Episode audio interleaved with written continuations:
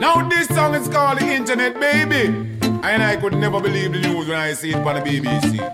You see all good baby mothers, all responsible one them, all people agree. No, more selling and no little more kids over the internet. E abrimos as nosas guicherías con Javier Pedreira, Guicho. Moi boas tardes, Guicho. Hola, que tal? Unha das dos eventos espaciais na túa faceta de aerotrastornado que sigues eh, ben a miúdo no microsiervos eh, son as SpaceX. Sí, eh, SpaceX é unha empresa fundada por Elon Musk, o tipo que creou no seu momento PayPal, que se forrou, eh, como lle mola este tema do espacio, dixo, vou facer unha empresa que fabrique cohetes. A novedade é que desde que fundou a empresa ten claro que un dos xeitos, ou o xeito para el, de abaratar o acceso mm, eh, ao espacio de todo o mundo é utilizar cohetes reutilizables. El día é unha tontería lanzar un cohete e perdelo todo. É como se si mercas un coche para ir de aquí a Madrid e non o utilizas máis, non? Pois eh, el pretende reutilizar cohetes. Levan bastantes anos traballando en isto e últimamente eh, conseguiron un, un éxito moi importante que foi o de volver a lanzar un cohete que xa fixera un lanzamento hai cosa dun ano Este cohete eh, puxera en órbita unha cápsula de carga para a Estación Espacial Internacional, a Dragon 8, e acaba de lanzar o mismo cohete un satélite de comunicacións destinado a unha órbita eh, xeoestacionaria. E isto é un feito moi importante na historia da investigación espacial. O señor Musk é un visionario de, de libro e, e si semella que está moi ben isto de reciclar eh, os cohetes eh, todos estes. Ademais, é un prodixio da técnica porque é pensar como é aterrar nun punto moi concreto eh, no océano, nunha base, ademais con nome así moi chulo, e ademais eso sería como aterrar, pois, non sei, a Estatua da Libertade eh, nun, nun sitio moi concreto. Técnicamente é complexo. É complexo, sí, efectivamente, además a comparación de agua porque a Estatua da Libertade e a primeira etapa dun Falcon 9, que este tipo de cohete, miden prácticamente a de altura, e eso, é facer eh, aterrizar a Estatua da Libertade de pé mm, en un sitio que ti escolles.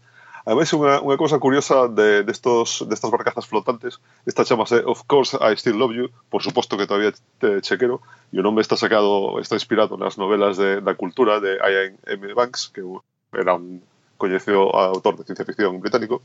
A, a, a cousa máis curiosa me parece de todo isto é que o cohete e a barcaza na que aterrizan non se falan entre eles. Os dous teñen programado un destino, un punto no que teñen que estar, e os, eh, a barcaza mantense no seu sitio, o cohete viaxa cara ao seu sitio, e cando as súas patas detectan que tocou a plataforma, pum, apaga o motor.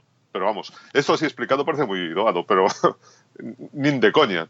Ten moita complicación a verdade é que é un premio a perseverancia, porque as imaxes dos fracasos, as imaxes dos éxitos son emocionantes, pero as dos fracasos tamén. E, e ver cando esos fracasos, esos, esos que parece que, que estás aterrando e que no último momento caese para baixo, mmm, ten que ser, bueno, impactante Efecti para moral. Efectivamente, tiveron uns cantos eh, accidentes, eh, ou casi... Eh, casi triunfos que eh, no último momento, pois pues, porque se lle esgotou o, o, o fluido hidráulico, porque aterraron un pouquiño de, de lado e caeu o cohete e explotou.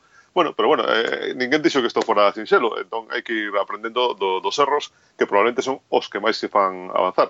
Pero bueno, eso, aí o temos, o, o Falcon 9 eh, número 1021, 1021, se non me lembro mal, que xa fixo dous lanzamentos e que podría facer máis. Eh, din os SpaceX que Mm, preparar o cohete para o seu segundo lanzamento costou menos da metade do que costaría un cohete novo, que eh, vamos, xa un importante ahorro. E en calquera caso, isto era a primeira vez que o fan. Eles teñen a esperanza de que según vayan mellorando o, todo o fluxo de traballo, todo vayan eh, aprendendo o que hai que facer para ter o cohete listo para sucesivos lanzamentos, vaise todavía máis eh, eh, o, o que custa volver a lanzalo. Porque de agora a cuestión que vos eh, reivindicades ou comentades eh, en microservos é que técnicamente a demostración está feita, claro. o problema é a viabilidade económica, porque tardaron un ano en volver a poñer ese cohete en marcha. Efectivamente, tardaron un ano en volver a lanzar este cohete e eh, o seu objetivo é ter un cohete listo para, o seu, para a súa reutilización en 24 horas, casi nada. Eh, irán rebaixando pouco a pouco o tempo este que, que tardan en, en volver a lanzar un cohete. Elon Musk falaba outro día de que de cara a este ano que entra eh, pretenden ter eh, seis cohetes en funcionamento, así como en, eh, eh, en quendas, facendo lanzamentos de xeito máis ou menos continuo, e falaba de media de unha dúcia, perdón, para, para 2019 bueno, hai que ver se si lle salen eh, os números. Este é un proxecto que está tirando para arriba e agora ímonos a outro que vai rematar. 5, 4, 3, 2, 1 and liftoff of the Cassini spacecraft on a billion-mile trek to Saturn. We have cleared the tower.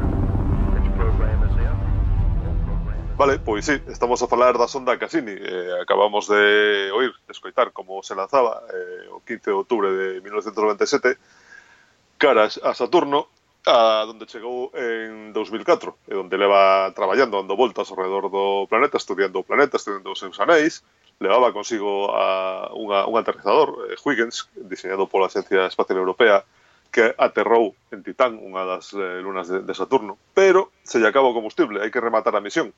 A misión vai rematar o grande, un final épico e tamén cunha lagrimiña.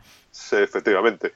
Eh, un, o, o problema que ten Cassini que polo demais está funcionando perfectamente é que, claro, cando ti lanzas unha sonda leva o combustible que leva e cando se termina, pois non podes maniobrar máis. Entón o que non quere a NASA é deixala en órbita ao redor de Saturno sin poder controlarla por si chocara con alguna das súas lúas, unha cousa así. Entón, o que decidiron é eh, que a van a lanzar contra a atmosfera do planeta para que se desintegre nunha, na, na entrada nesta. E o que están a facer agora é como xa os objetivos eh, científicos da misión están cumpridos máis que de sobra, eh, están eh, facendo cousas máis arriscadas. De feito, dende o pasado mes de novembro, están eh, se están, eh, están a trazar órbitas moi próximas aos anéis de Saturno, máis próximas do que nunca trazaran, para estudiarlos en profundidade, para intentar descubrir se si pudiera haber algunha pequena lúa por aí escondida entre eles, para obter máis detalles deles. E agora, a partir de, de dentro de uns días, o que van a facer é trazar 22 órbitas por o espacio que hai entre Saturno e os seus anéis. Ata agora estaba voando por fora, pero se vai a meter por dentro que sí, que é arriscado, pode chocar con algo e desintegrarse, pero bueno, eso, xa está cumplida a misión e eh, queren aproveitar o límite as, as posibilidades de, de Cassini. O máximo para coñecer aínda máis eh, todos os a información sobre os anéis de Saturno, que ademais deu moitísima información sobre eses anéis, incluso eh, de, de lúas hasta con forma de ravioli. Sí. Efectivamente, eh, ao poder aproximarse tanto te, eh, obtivemos unhas imaxes das, das lúas de, de Saturno que son impresionantes e a, a que te dis pan, se non me lembro mal eh, eso, tío, ves a foto e isto un ravioli pois non, é unha das, das lúas de, de Saturno que o estar metido nos anéis pois bueno, se lle deposita eh, restos destos